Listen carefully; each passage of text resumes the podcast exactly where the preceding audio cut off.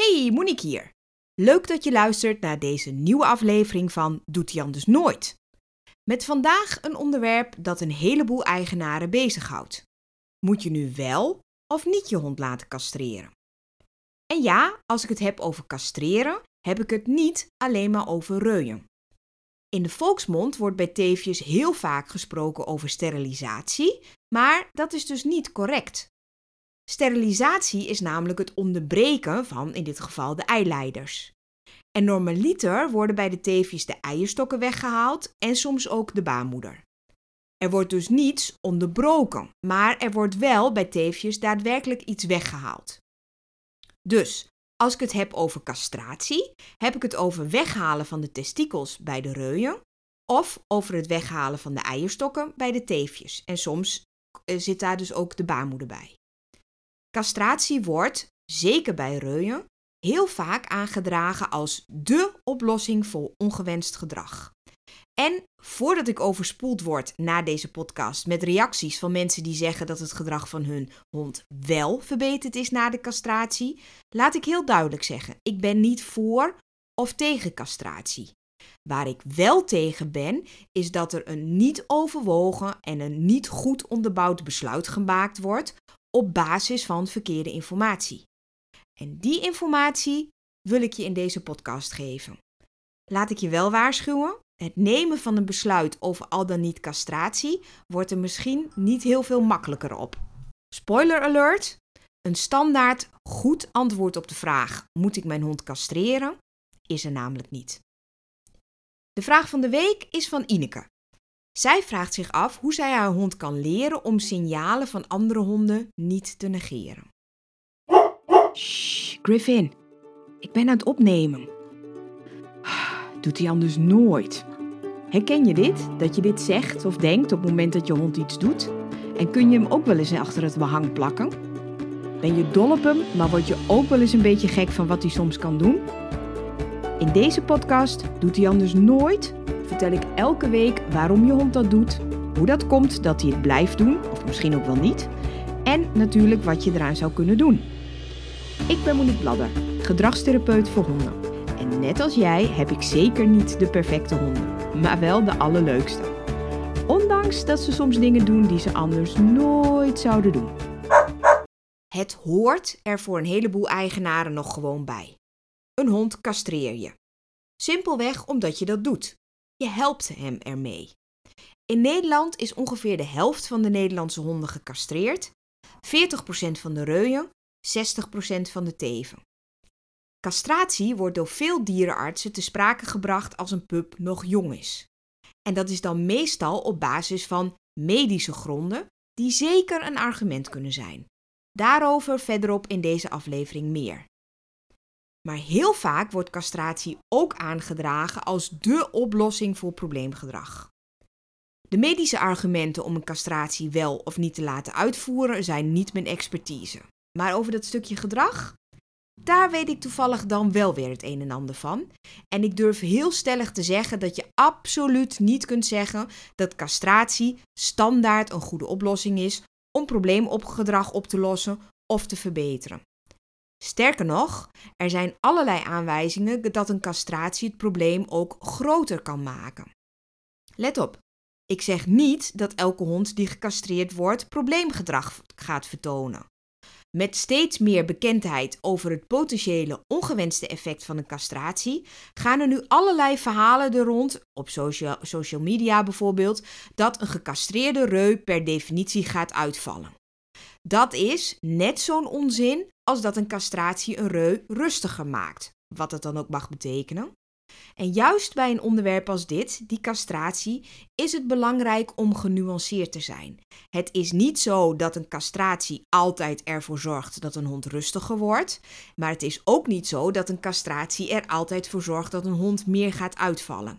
De waarheid zit, zoals zo vaak, in het midden. En wat het hele onderwerp best lastig maakt, is dat er eigenlijk veel minder goed onderzoek gedaan is naar het effect van castratie op gedrag dan wat je zou verwachten als je kijkt naar de schaal waarop die castratie wordt toegepast. Er zijn allerlei onderzoeken waarvan ik nog wat uitkomsten met je zal bespreken. Maar eigenlijk zou er eens een goede vergelijking gemaakt moeten worden van het gedrag van een hond voor de castratie en van het gedrag van diezelfde hond na de castratie. En zulk onderzoek, en dit zal je misschien verbazen, het verbaasde mij in elk geval, is er eigenlijk niet. Pascal Rouleau is een collega hondenprofessional die zich verdiept heeft in allerlei onderzoeken die er zijn over castratie van honden. En ze geeft hierover lezingen, dus als je nog dieper in dit onderwerp wilt duiken, raad ik je absoluut aan om vooral naar een van haar lezingen te gaan. Als hondenprofessional kun je haar onder meer zien op het Hondenschool Instructeurscongres, wat wij als Annelunda, het uh, opleidingscentrum dat ik heb samen met mijn collega Erika Bokelman, verzorgen op 28 augustus 2021. En als je daarover informatie wilt, kijk dan vooral op annelundacampus.nl. Pascal geeft daar onder meer een lezing, of een deel van haar lezing in elk geval, die gaat over castratie en sterilisatie. En die is dus met name gericht op hondenprofessionals. Um, en ze gaat echt nog veel dieper op deze materie in. Ook als je een eigenaar bent en je wilt wat meer weten over castratie en sterilisatie, uh, kun je Pascal ook benaderen. Ze is via Facebook en via uh, internet gewoon makkelijk te vinden. De conclusie van Pascal is onder meer dat je, als je kijkt naar alle huidige onderzoeken die er zijn, eigenlijk gewoon niet echt goed een conclusie kon trekken over of castratie gevolgen heeft op gedrag. Probleem is namelijk dat er in allerlei verschillende onderzoeken weer allerlei verschillende uitkomsten zijn. Een van de oudere onderzoeken trekt bijvoorbeeld de conclusie dat reuien die gecastreerd zijn minder kunnen gaan rijden, minder gaan weglopen en minder tegen allerlei dingen aan kunnen gaan plassen. Maar echt overtuigende percentages zijn dat nou ook weer niet. Daarnaast zijn er ook alweer onderzoeken gedaan die juist aangeven dat gedrag helemaal niet beïnvloed wordt door castratie. Of dat het probleemgedrag alleen maar erger wordt. Een voorbeeld daarvan is een grootschalig onderzoek dat gebaseerd is op allerlei vragenlijsten. Dus eigenaren kregen allemaal vragen over het gedrag van hun hond. En uitkomst daarvan was dat er meer angst en meer agressie was bij gecastreerde honden. Dus reuien en teven. En ook in gedragstesten zie je dat gecastreerde reuien vaker banger en agressiever zijn dan intacte reuien. Maar Daarentegen zijn er ook weer onderzoeken die geen enkel verschil vonden tussen die gecastreerde en niet gecastreerde honden. Wel een opmerking daarbij: in die onderzoeken mochten honden die al gecastreerd waren vanwege hun gedrag niet meedoen. De vraag is daar dus wel: hoe representatief waren deze onderzoeken nu eigenlijk om te kijken naar het verschil tussen gedrag in gecastreerde en intacte honden? Ik werk al jaren als gedragstherapeut. En dus ken ik ook al jaren de verhalen van eigenaren die bezweren dat een hond rustiger geworden is na een castratie. Dat het probleem van een hond opgelost is na een castratie. En laat ik heel duidelijk zeggen, dat kan. Maar, en dat is een hele belangrijke kanttekening, een castratie zal alleen helpen als het gedrag dat je hond laat zien ook voortkomt uit een hormonale oorzaak. Zoals bijvoorbeeld een onrustige reu vanwege de geurtjes van andere teven in de buurt. Of een teef die tijdens de loopsheid en alleen tijdens die loopsheid agressie inzet. Dat zijn voorbeelden van probleemgedragingen die veroorzaakt kunnen worden door een hormonale disbalans. En dan zal een castratie absoluut en zeker kunnen helpen. Kunnen helpen. Maar zeker bij reuien zie ik in de praktijk soms wel dat reuien die gecastreerd zijn minder heftig kunnen reageren en minder snel reageren. Ik denk, maar dit is een mening die ik niet wetenschappelijk kan onderbouwen, tenminste, ik heb niet kant-en-klaar de referenties liggen. Ik denk dat dat ermee te maken heeft dat testosteron, het geslachtshormoon, niet alleen maar een geslachtshormoon is. Het is namelijk ook een hormoon dat vrijkomt bij stress en dus het figuurlijke stressemmertje van je hond vult. Als je nu denkt stressemmertje, Waar heb je het in hemelsnaam over? Check dan eerdere afleveringen die gaan over stress bij honden. Of kijk op mijn website bij de artikelen die gaan over stress, want dan vind je daar meer uitleg over. Het gaat nu in deze aflevering een beetje te ver om dat hele verhaal nog een keer opnieuw uit te leggen. Een gevulde stressemmer die overloopt, resulteert in explosief en heftig gedrag. En als er al wat minder van dat testosteron in die emmer zit, als daar minder um, van dat geslachtshormoon in zit wat functioneert als stresshormoon, ja, dan loopt die natuurlijk ook minder snel over en krijg je dus minder snel heftig en explosief gedrag. Wat je daarin niet moet vergeten, is dat die stressemmer overloopt door een onderliggende emotie. Die emmer loopt niet over omdat er veel testosteron in zit, maar omdat er een emotie is die ervoor zorgt dat er meer testosteron en allerlei andere stoffen komen, dat die die emmer vullen. Er is een prikkel nodig, er is een emotionele aanleiding nodig. Met een castratie doe je misschien wel iets aan het snelle overlopen van die emmer, aan het snelle vullen van die emmer. Maar doe je nog niks bijvoorbeeld aan de angst of de frustratie of, de of het spel of andere emoties die ervoor zorgen dat er hormonen vrijkomen die die emmer weer vullen. Kort door de bocht, met een castratie help je in zo'n geval misschien jezelf, omdat het gedrag van je hond minder explosief is. Maar het betekent niet dat je daarmee je hond helpt, want die heeft waarschijnlijk nog steeds diezelfde onderliggende emotie die ervoor zorgt dat die emmer zich vult en er gedrag ontstaat wat voor jou vervelend is. Een castratie kan een hond wel beter trainbaar maken in sommige situaties. Ook daar heb ik het dan met name over reuien. Als een reu door zijn testosterongehalte zo bezig is met alle geurtjes van bijvoorbeeld de teefjes om zich heen, dat hij eigenlijk niet echt meer kan nadenken, ja, dan kan het voor een eigenaar en voor de hond zelf ook wel prettig zijn als al die afleiding er niet meer is. De reu wordt hierdoor beter bereikbaar voor training. En dan dus ook voor het trainen van zijn gedrag. Wat wel belangrijk is, is dat je dan een onderscheid maakt tussen wat hij doet en hoe hij zich voelt. Je kunt namelijk na een castratie je hond beter bereikbaar maken van de training van wat hij doet, van zijn gedrag. Maar als je een hond laat castreren, zal er waarschijnlijk weinig veranderen als je gaat trainen om zijn emotie te veranderen. Met andere woorden, je kunt een reu die eerder zo bezig was met geurtjes, na een castratie beter leren om naar je toe te komen als je hem roept. Maar je kunt hem na een castratie niet makkelijker leren om niet meer bang te zijn. Dat zijn toch wel twee andere dingen. Kortom, als je een besluit wilt nemen over of je je hond moet castreren vanwege gedrag, moet je jezelf eerst afvragen: waarom doet mijn hond wat hij doet? Zou dat gedrag hormonaal gestuurd kunnen zijn? Zo ja, dan is een castratie iets dat van invloed zou kunnen zijn en het probleem positief zou kunnen beïnvloeden. Is er een emotioneel probleem, dan is het goed te weten dat er ook aanwijzingen zijn dat het gedrag dat uit die emotie voortvloeit erger zou kunnen worden na een castratie.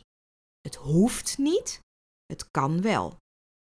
Als je twijfelt, kun je bij reuien ook nog een chemische castratie uitproberen.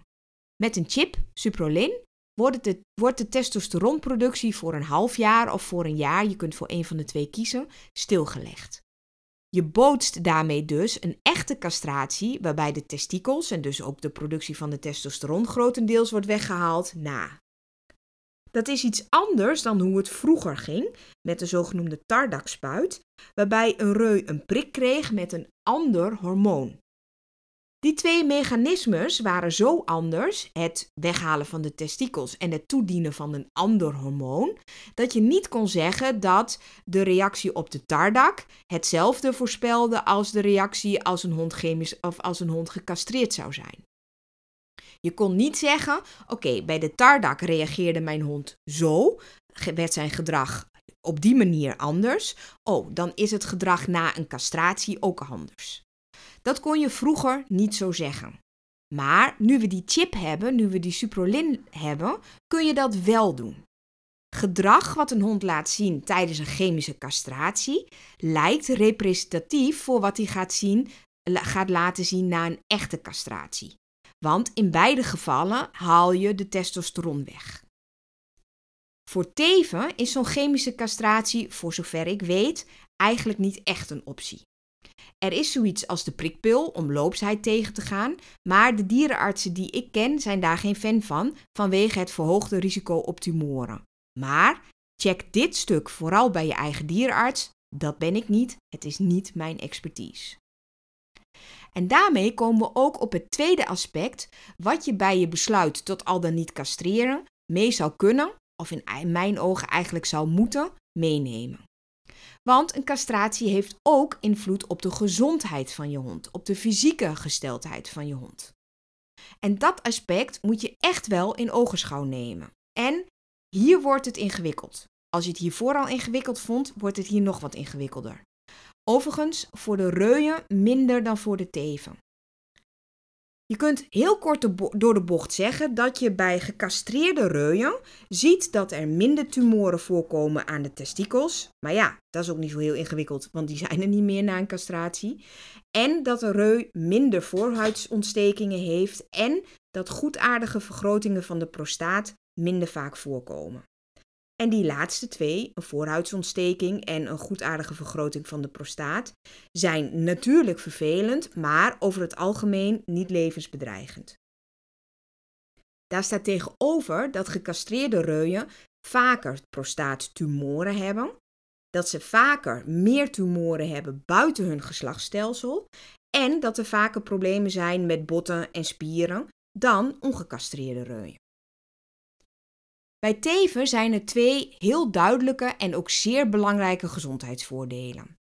Als eerste een sterk verminderd risico op baarmoederontstekingen en ook een heel sterk verminderd risico op melkkliertumoren. En dit zijn beide aandoeningen die levensbedreigend kunnen zijn. En de invloed van een castratie is daarop ook echt substantieel. We hebben het niet over, laten we zeggen, 5% minder kans, maar echt grote percentages. En die variëren dan nog weer per moment waarop je castreert, dus dat wordt een hele grote stroom aan getallen. Dat ga ik je niet aandoen. Neem van mij aan, of nog veel belangrijker, neem van de medische wetenschap aan, dat hoe eerder je een teef castreert, hoe substantieel minder groot het risico wordt dat je uh, teef een melkkliertumoren krijgt. Maar net zoals bij de reuien zijn er ook bij de teven potentiële nadelen van de castratie. Zoals urineincontinentie, dus dat je hond uh, af en toe urine laat lopen. Um, en ook hiervoor geldt, net zoals bij de reuien, dat gecastreerde teven een groter risico hebben op tumoren buiten het geslachtsstelsel. Uh, en dat er ook meer problemen zijn met botten en spieren bij gecastreerde teven dan bij intacte teven. En deze gezondheidsaspecten moet je meenemen in je afweging of je je hond laat castreren. En daarbij maakt het ook nog uit op welke leeftijd je je hond laat castreren. Hoe jonger, hoe groter het risico op eventuele bijwerkingen, op eventuele neveneffecten. Aan de andere kant, hoe jonger je een teef castreert, hoe minder groot het risico op melkkliertumoren. Dat stuk is dus complex. Want voor wel en niet castreren is voor teven, zeker op het fysieke vlak, beide wel iets te zeggen. Reuien hebben meestal weinig medisch voordeel van een castratie, uitgezonderd natuurlijk de aandoeningen aan de prostaat, en daartegen wel potentiële nadelige effecten van een castratie. Qua gedrag is het advies eigenlijk simpel en daarmee toch ook weer ingewikkeld. Want er is niemand die op basis van een paar zinnen je kan vertellen of je je hond moet castreren of niet. Het is ontzettend afhankelijk van of het een reu of een teef is. Wat is het gedrag van je hond? Waarom doet je hond wat hij doet? Is een hormonale oorzaak of een hormonale bijdrage? Enzovoort, enzovoort, enzovoort. Er zijn voordelen en nadelen van de castratie, van een reu en van een teef. En het enige dat ik er echt zinnig over kan zeggen, is dat een castratie altijd een slecht algemeen advies is voor probleemgedrag. Wat ik erover kan zeggen is dat je niet je hond moet castreren in de veronderstelling dat het een makkelijke oplossing is voor iets vervelends wat hij doet. Ehm, voor zijn angst, voor het uitvallen, voordat hij niet alleen kan zijn, voordat hij gromt naar de buren, dat hij gromt naar je kind, dat hij gromt naar jou. Um, een castratie is daarvan nooit de makkelijke oplossing. En ja, in sommige gevallen kan het de situatie verbeteren. maar soms kan het er ook door verslechteren. Laat je dus vooral adviseren door een gedragstherapeut als je wilt castreren vanwege het gedrag. Dat is de expert als het gaat om het gedrag van je hond. Je dierenarts weet alles over de medische aspecten van een castratie. Dat is zijn expertise. Het meest ideale is het dus als je een gedragstherapeut en een dierenarts met jou overleggen en samen tot de conclusie komen. Sorry, ik kan het niet makkelijker maken.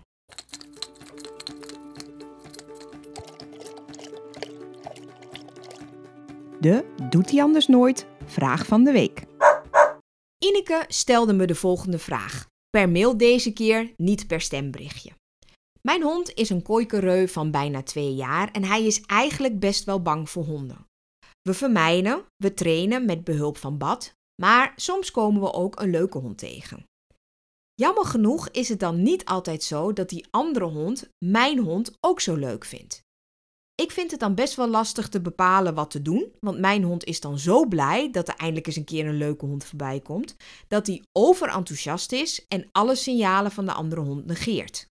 Hem meekrijgen is ook niet eenvoudig dan. Hoe kan ik het beste handelen in zo'n situatie? En hoe kan ik mijn hond leren de signalen van de andere hond niet te negeren? Nou, dankjewel Ineke voor je vraag. En er zitten een paar aspecten in die me triggeren. Als eerste geef je aan dat je hond andere honden in het algemeen eng vindt en dat je aan het trainen bent hiermee. Dat is top, helemaal goed. Mijn ervaring is dat honden die andere honden spannend vinden, die zich zorgen maken, dat ze dat bij de meeste honden ook wel doen als ze zomaar een onbekende hond tegenkomen. En het kan natuurlijk zijn dat jouw hond een uitzondering is. Maar de kans dat ze, als ze zich al zorgen maken over bekende honden, over onbekende honden, dat ze dan ook een zomaar plotseling voorbijkomende onbekende hond daadwerkelijk echt leuk vinden, is niet zo heel erg groot. Tenminste, dat zie ik in de praktijk. Wat jij overenthousiast noemt, zou kunnen zijn dat het een overlopend stressemmertje is. Dat je hond het wel wat spannend vindt, maar niet zo eng dat hij heftiger reageert. Heftiger zoals je dat in andere situaties misschien van hem gewend bent.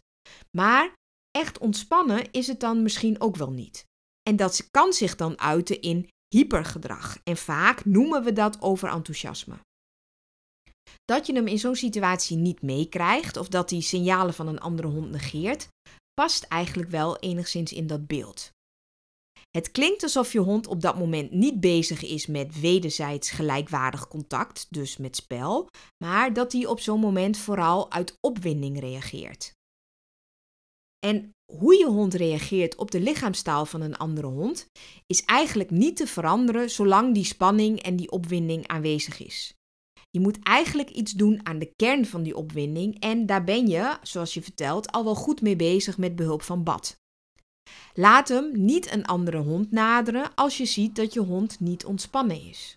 Je loopt dan namelijk ook nog eens het risico dat die andere hond het echt niet prettig vindt en dan heeft je hond weer een reden om die andere honden ook echt eng te vinden.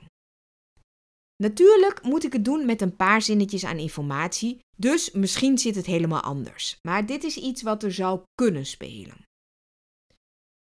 Vraag je je nou af, als je naar dit stukje luistert, wat is nou BAD? Nou, BAD staat voor Behavior Adjustment Training. En dit is een methode die ontwikkeld is door Grisha Stewart.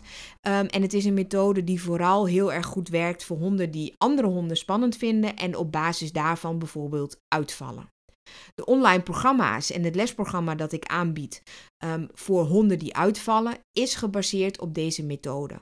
Wil je daarover nou meer lezen, dan kun je dat zeker vinden op mijn website. Als je naar mijn blog gaat en dan kiest voor de artikelen die gaan over agressie en over uitvallen. Ineke, met deze vraag van de week win je een Bellobox naar keuze. Hierin zitten 100% natuurlijke snacks en er zijn natuurlijk diverse soorten boxen. Wij gaan zorgen dat het naar jou toe komt. Wil jij als luisteraar ook een Bellobox winnen? Stuur dan je vraag van de week in. Als ik je vraag beantwoord, mag jij ook een box gaan uitkiezen. Denk je nou, uh, nou, daar ga ik niet op wachten? Ga dan naar bellobox.nl en als je daar de kortingscode BLADDER gebruikt, dus mijn achternaam, in hoofdletters, krijg je 10% op elke bestelling die je doet. Die code kun je dus herhaaldelijk gebruiken. In deze aflevering heb ik je meer verteld over het onderwerp castratie, want het is een veelgestelde vraag. Moet ik mijn hond castreren? En het antwoord daarop is nog niet zo eenvoudig. De wetenschap geeft nou eenmaal geen eenduidige antwoorden en de praktijk eigenlijk ook niet. Het enige dat je er echt over kunt zeggen is dat er nooit een goed standaard advies is over castratie in verband met gedrag. Het hangt altijd af van de hond, de situatie, de oorzaak en dat gedrag. Vraag advies aan een gedragstherapeut en een dierenarts. Bedankt dat je hebt geluisterd naar Doet hij anders nooit. Ik hoop dat ik jou en je hond wat verder heb geholpen. Wil je geen enkele Doet hij anders nooit missen? Abonneer je dan op mijn podcast en nog beter, laat een review achter. Zou ik super blij mee zijn. Wil je dat ik jouw vraag ook beantwoord in deze podcast? Mail dan naar contact@moniquebladder.nl. Tot volgende week.